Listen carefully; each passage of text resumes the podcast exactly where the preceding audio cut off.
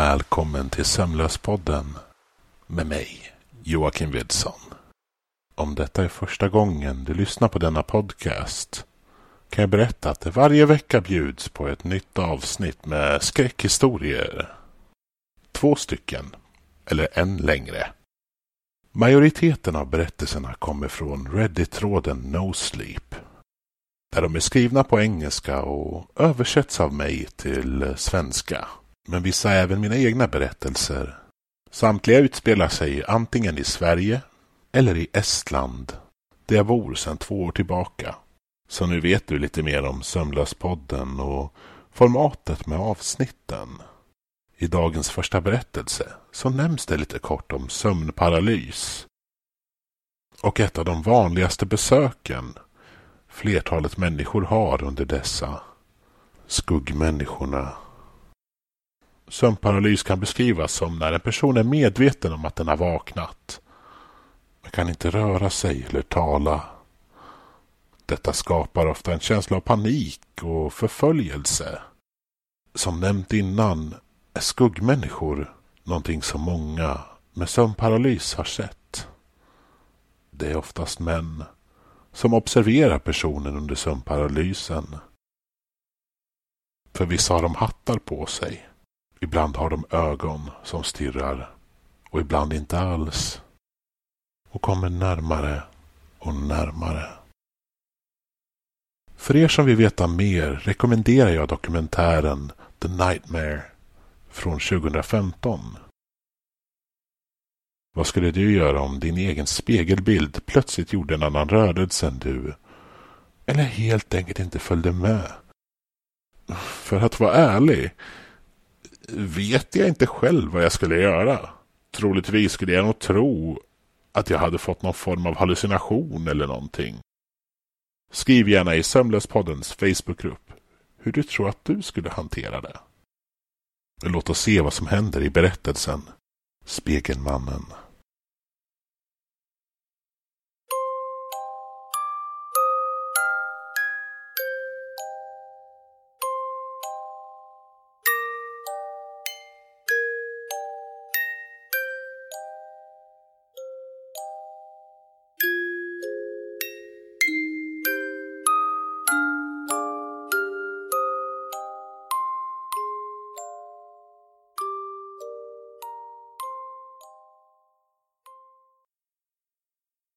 Jag jobbar på en second hand-butik i centrala Göteborg.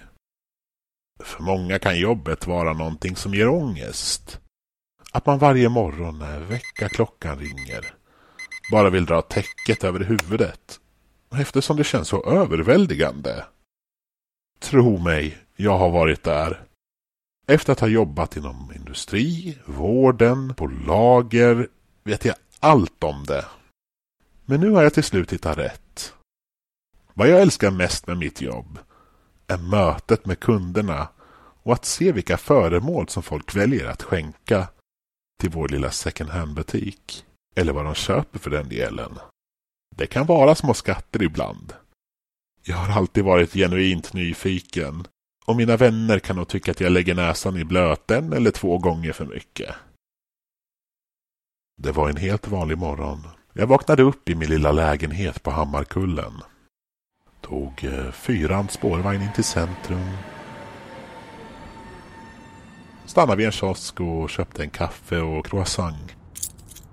Jag stannade upp en stund. Njöt av doften från det svarta kaffet och tog mig en stor bit av den nybakade croissanten. Jag försöker göra det ibland.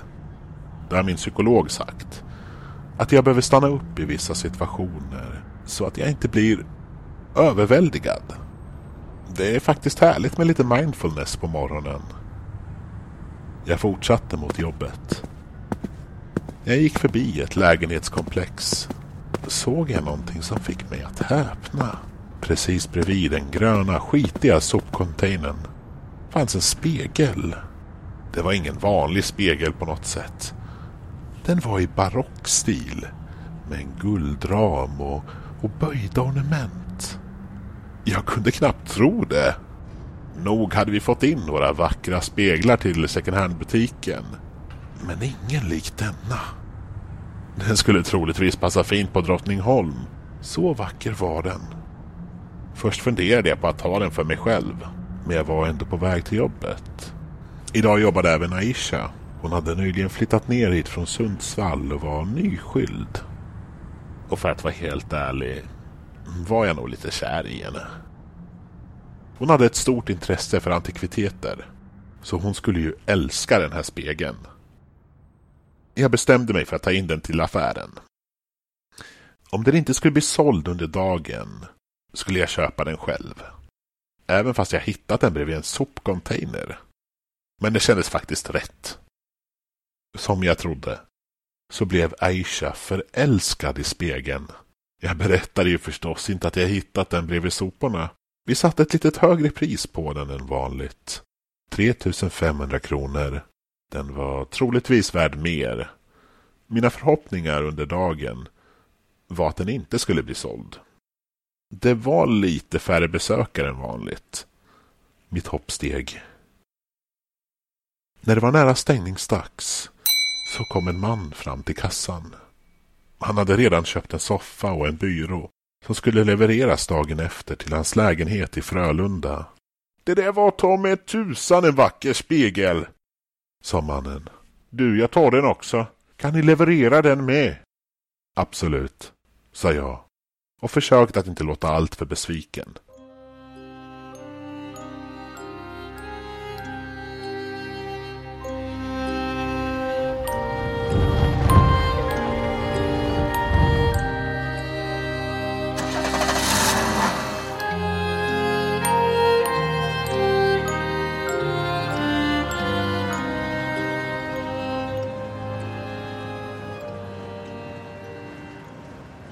Dagen efter åkte jag ut för att leverera möbler. Turen till Frölunda var inte den enda på listan. Det var även en säng som skulle till Kortedala, en bokhylla som skulle till Hjällbo och flertalet möbler till ett studentrum i Johanneberg. Jag jobbade med Julle, som enbart var flyttkar. Jag tyckte om att variera mina dagar. Julle var kul att jobba med. Han gillade att skämta och var nog världsmästare i dåliga Göteborgsvitsar.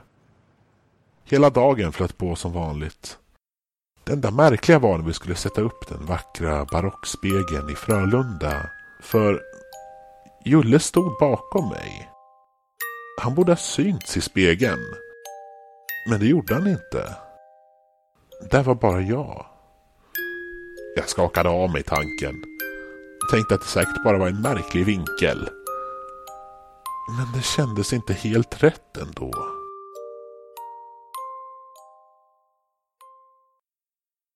Tre veckor senare kom mannen från Frölunda in till butiken igen. Han bar med sig spegeln. Den var väl inslagen i flera lager wellpapp. Hans skägg hade vuxit. Han bar mjukisbyxor och en hoodie. Det var någonting helt annorlunda med honom sen han var inne här senast. Då hade han en proper sommarskjorta och verkade nästan lite snobbig. Nu hade han en avslappnad stil och såg mer nöjd ut med tillvaron. Ja, den här spegeln är verkligen fin. Men jag tycker inte riktigt den passar i min lägenhet. Så jag tror nog att jag lämnar tillbaka den. Går det bra? Ja, visst, sa jag förvånat. Han lämnade över kvittot och försvann. Jag tittade bort mot Aisha. Hon såg lika förvånad ut som jag. Om man inte vill ha den, jag menar, ta den du istället. Sa Isha uppmanande. Jag måste ha sett ut som ett barn på julafton. Den där spegeln var verkligen magnifik. Resterande delen av dagen var tuff. En kvinna kom in med en DVD-spelare som hade slutat att fungera efter andra användningen. Hon var ilsken och började skrika på finska när jag förklarade att vi testar samtliga elektroniska apparater. Men eftersom de är begagnade så finns det en risk att de kan sluta fungera.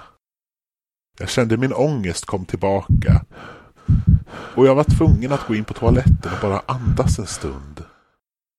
Jag försökte tänka på spegeln som jag snart skulle ta hem om bara två timmar.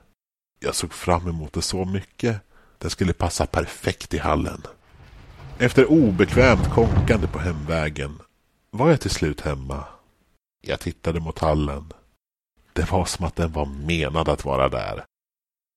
När jag leendes tittade mot den och fixade till min frisyr funderade jag på varför kunden lämna tillbaka denna ögonsten. Nu var det dags att fixa någonting att äta. Trots att det var svårt att släppa ögonen ifrån min nyvunna skatt. Jag önskade bara att det var någonting finare som speglade sig än mitt tunna hårfäste och ölmagen som så länge hade varit en uh, nagel i ögat för mig. Jag knäppte en bärs, la in maten i mikron. Jag köper ofta färdig mat som bara värms i mikron. Då jag aldrig riktigt har lärt mig att laga mat och känner väl inte att det är så kul att laga en lyxmåltid för sig själv. Men ibland dagdrömmer jag om att laga ihop en riktigt fin måltid för Aisha. Att bjuda över henne. Men frågan är om jag någonsin skulle våga göra det. Jag satte mig ner, tittade på tv. Det var såpor, tecknade serier från USA, reklam, ständigt denna reklam. Mina ögon sjönk ner. Jag somnade i soffan till Allsång på Skansen i bakgrunden.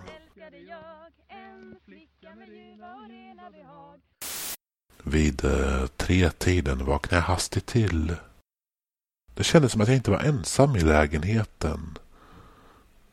Som om någon betraktade mig och hade sett mig sova.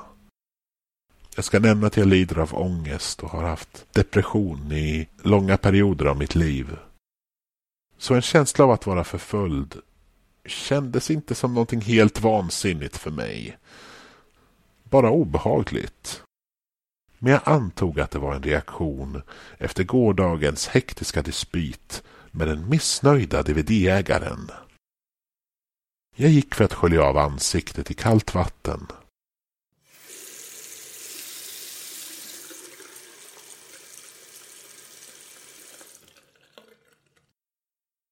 På vägen tillbaka till sovrummet, innan jag själv borde varit i synhåll, tycktes jag mig se min egen spegelbild sittandes ner på golvet.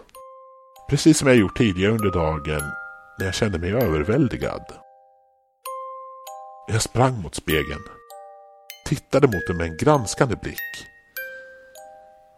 Jag började göra hastiga och snabba rörelser. Grimaser för att se så att min spegel följde efter. Jag vände mig om. Gick några steg.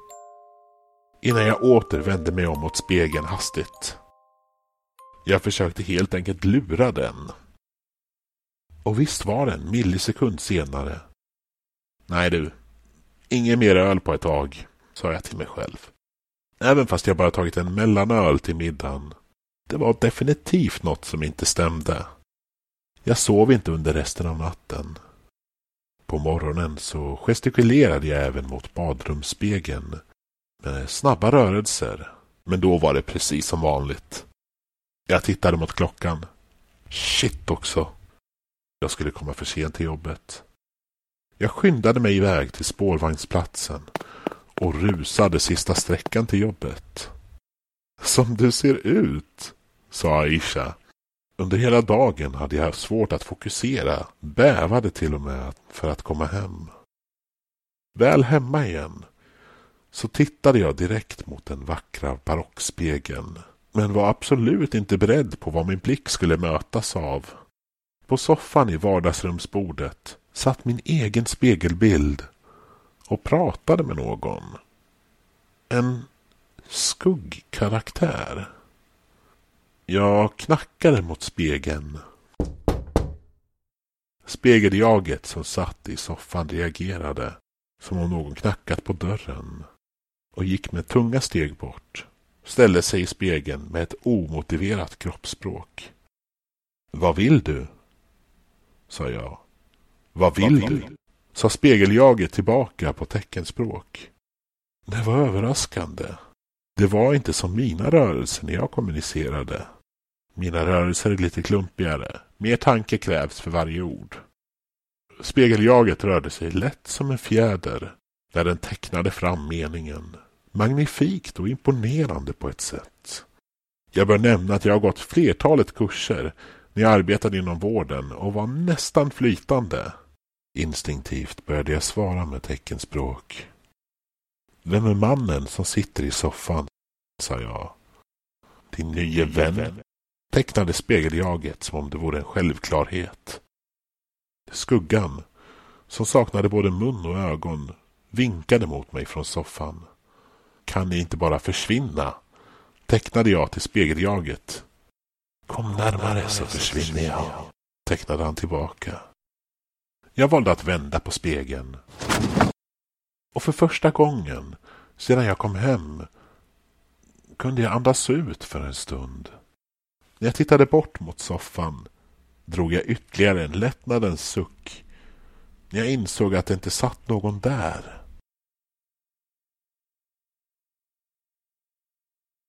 Jag gick och la mig tidigt den natten. Vaknade hastigt upp. Det kändes som skuggmannen stod och bevakade mig vid sängen. Trånade efter mig på något sätt. Men jag hade hört om det här. Det måste vara en märklig form av sömnparalys. Imorgon skulle jag lämna tillbaka spegeln. Definitivt. Det hördes ett kras från hallen. En blomkruka låg nedvält. Jag gick instinktivt fram till spegeln i hallen. Den hade vänt sig i upprätt position. I mitten av spegeln fanns ett hål. Perfekt cirkelformat. Kanske fem centimeter i diameter. Ivrigt letade jag runt i lägenheten. Väl in i köket så föll jag plötsligt i golvet av åsynen av mig själv. En hand började släpa mig in mot spegeln. Vad gör du? tecknade jag mot spegeljaget. Det är dags att byta plats. Mitt spegeljag pressade in mig i spegelns lilla hål. Han var starkare, eller mer desperat. Jag försökte kämpa emot, men jag kunde bara inte. Djupare och djupare sjönk jag in. Tills jag föll flera meter. Rakt ner i en stor spegelsal. Det var svårnavigerat. Till slut tog jag mig fram till vad som såg ut som ett simpelt möblerat vardagsrum med ett bord och två stolar. På en av stolarna satt skuggmannen. En mun uppenbarades. Huden växte långsamt fram.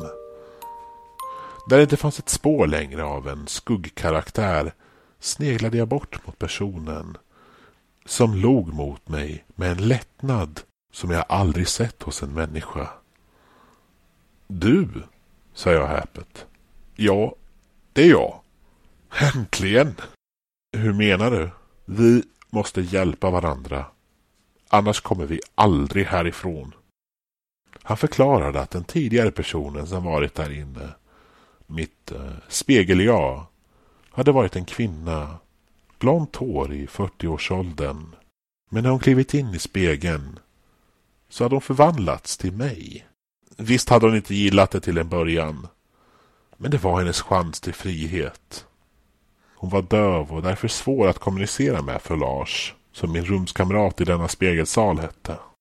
Hon lärde mig att spegla nästan perfekt. Nu ska jag lära dig detsamma. Vi ska bli fria igen det kommer inte bli din egen kropp. Men en dag ska vi nog hitta en person åt dig. Låt oss börja. Vi ställde oss framför varandra. Jag speglade Lars rörelser i vad som kändes som månader. Jag började bli riktigt bra på det. Till en början var det märkligt att inte ens behöva sova, äta mat eller pissa. Men i denna spegelvärld behövdes inget av det. Vad jag saknade mest var nog att dricka vatten faktiskt. En ständig känsla av törst förföljde mig. En dag tittade Lars mot mig. Det är dags nu. Bli inte rädd. Sa han och tog mig bestämt på axeln. Mina konturer började suddas ut. Framför mig i spegelsalen stod en skuggman. utan ögon och ansikte. Jag ville skrika, gråta, skratta i vansinne. Allt på samma gång. Men jag kunde inte göra något av det. Jag lovar att ta med mig en ny person ner till dig. Då får du tillbaka din kropp. En stund i alla fall. Men nu är det dags för mig att träffa mitt nya jag. Du kan få komma upp och träffa henne om du vill. Jag nickade. Vi lämnade spegelsalen. Genom att ta oss till entrén. Dit jag blivit nerknuffad av kvinnan i 40-årsåldern. Som nu tagit över min kropp. Vi klev in i lägenheten. Jag stod vid spegelns utsida. Vid ramen. Så att hon inte skulle se mig. Hon var söt. Kanske 1,65 lång. Lite kurvig. Långt mörkt hår och bruna ögon. Och en söt sommarklänning. Jag såg på med avund när Lars förvandlades till den vackra kvinnan. Det fanns bara en tanke som snurrade i mitt huvud. Jag ville ha hennes kropp. Vara henne. Men det var inte min tur än.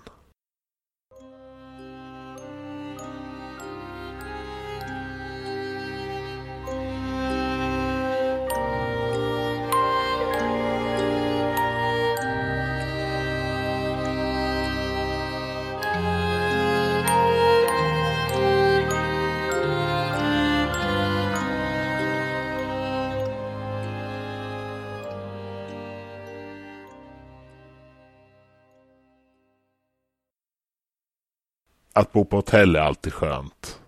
En härlig liten flykt från den trista vardagen. Och en känsla av att få lyxa till det lite för sig själv. Vissa hotell döljer dock på mörka hemligheter. Likt den utanför Storuman. Förra sommaren fjällvandrade jag upp i Västerbotten.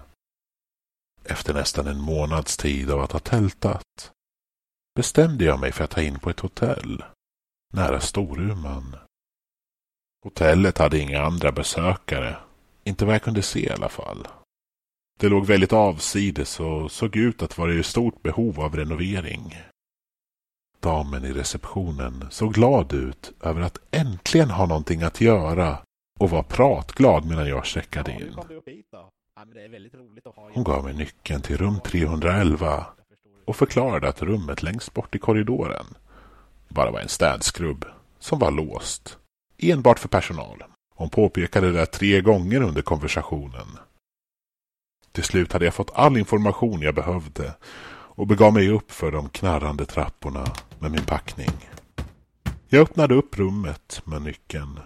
Det var väldigt spartanskt. En 90-säng bäddad med en fårskinnsfilt, ett skrivbord och en fåtölj som kändes väldigt 70-tal. Men om man jämför med att tälta i ösregn i det norrländska fjället var ju detta lyx. Jag såg fram emot frukosten på morgonen och la mig ner. Det fanns dock någonting som störde mig. Rummet hon nämnt som off limits så många gånger. Som jag inte skulle bry mig om. Det hade väckt min nyfikenhet. Så under natten, när jag vaknade till från en mardröm, där detta var inget ovanligt för mig. Jag har minst en mardröm varje vecka. Vissa förföljer mig till och med. Så gick jag upp och bestämde mig för att gå till slutet av korridoren. Där fanns rum 312, 313, 314 315. 317. Istället fanns städskrubben där. Men dörren såg exakt likadan ut som de andra. Jag provade handtaget. Visst var det låst. Jag böjde mig ner och tittade genom det breda nyckelhålet. Kall luft passerade och svalkade mina ögon. Det såg ut som ett hotellrum precis som mitt. I hörnet var en kvinna vars hud var otroligt blek. Hon lutade huvudet mot väggen, vänd bort mot dörren. Jag stirrade förvirrat ett tag. Var detta en kändis? Hotellägarens dotter kanske? I några sekunder övervägde jag om jag skulle knacka på dörren och se till att allt var bra med henne. Men jag bestämde mig för att inte göra det. När jag tittade vände sig kvinnan hastigt tillbaka och jag tog några steg ifrån dörren i hopp om att hon inte skulle misstänka att jag spionerat på henne. Det var ju inte min avsikt. Egentligen var jag ju först bara nyfiken och sen orolig. Dagen efter gick jag tillbaka till dörren och tittade genom det breda nyckelhålet igen. Den här gången såg jag inget mer än skarp röd färg. Ingen rörelse. Kanske den boende i rummet hade sett mig spionera natten innan och blockerat nyckelhålet med röd tejp eller färgat över det med målarfärg. Genast kände jag mig väldigt generad över att ha gjort kvinnan så pass obekväm och hoppades att hon inte klagat i receptionen. Men jag var fortfarande orolig. Så jag valde att gå till receptionen. Den glada, hurtiga kvinnan ändrade genast ton. Hon suckade och sa Har du tittat genom nyckelhålet? Jag berättade motvilligt för henne att eh, jag hade det. Och hon sa Ja, då kan jag lika gärna berätta historien om vad som hände i rummet. För länge sedan mördade en man sin fru där inne. Och vi har fått klagomål från gäster som sover i rummet. Att de känner ett fruktansvärt obehag. Kvinnan som mördats hade haft ett ganska säreget utseende. Kritvit hud. Med stora röda ögon. Som tycktes bevaka allt och alla.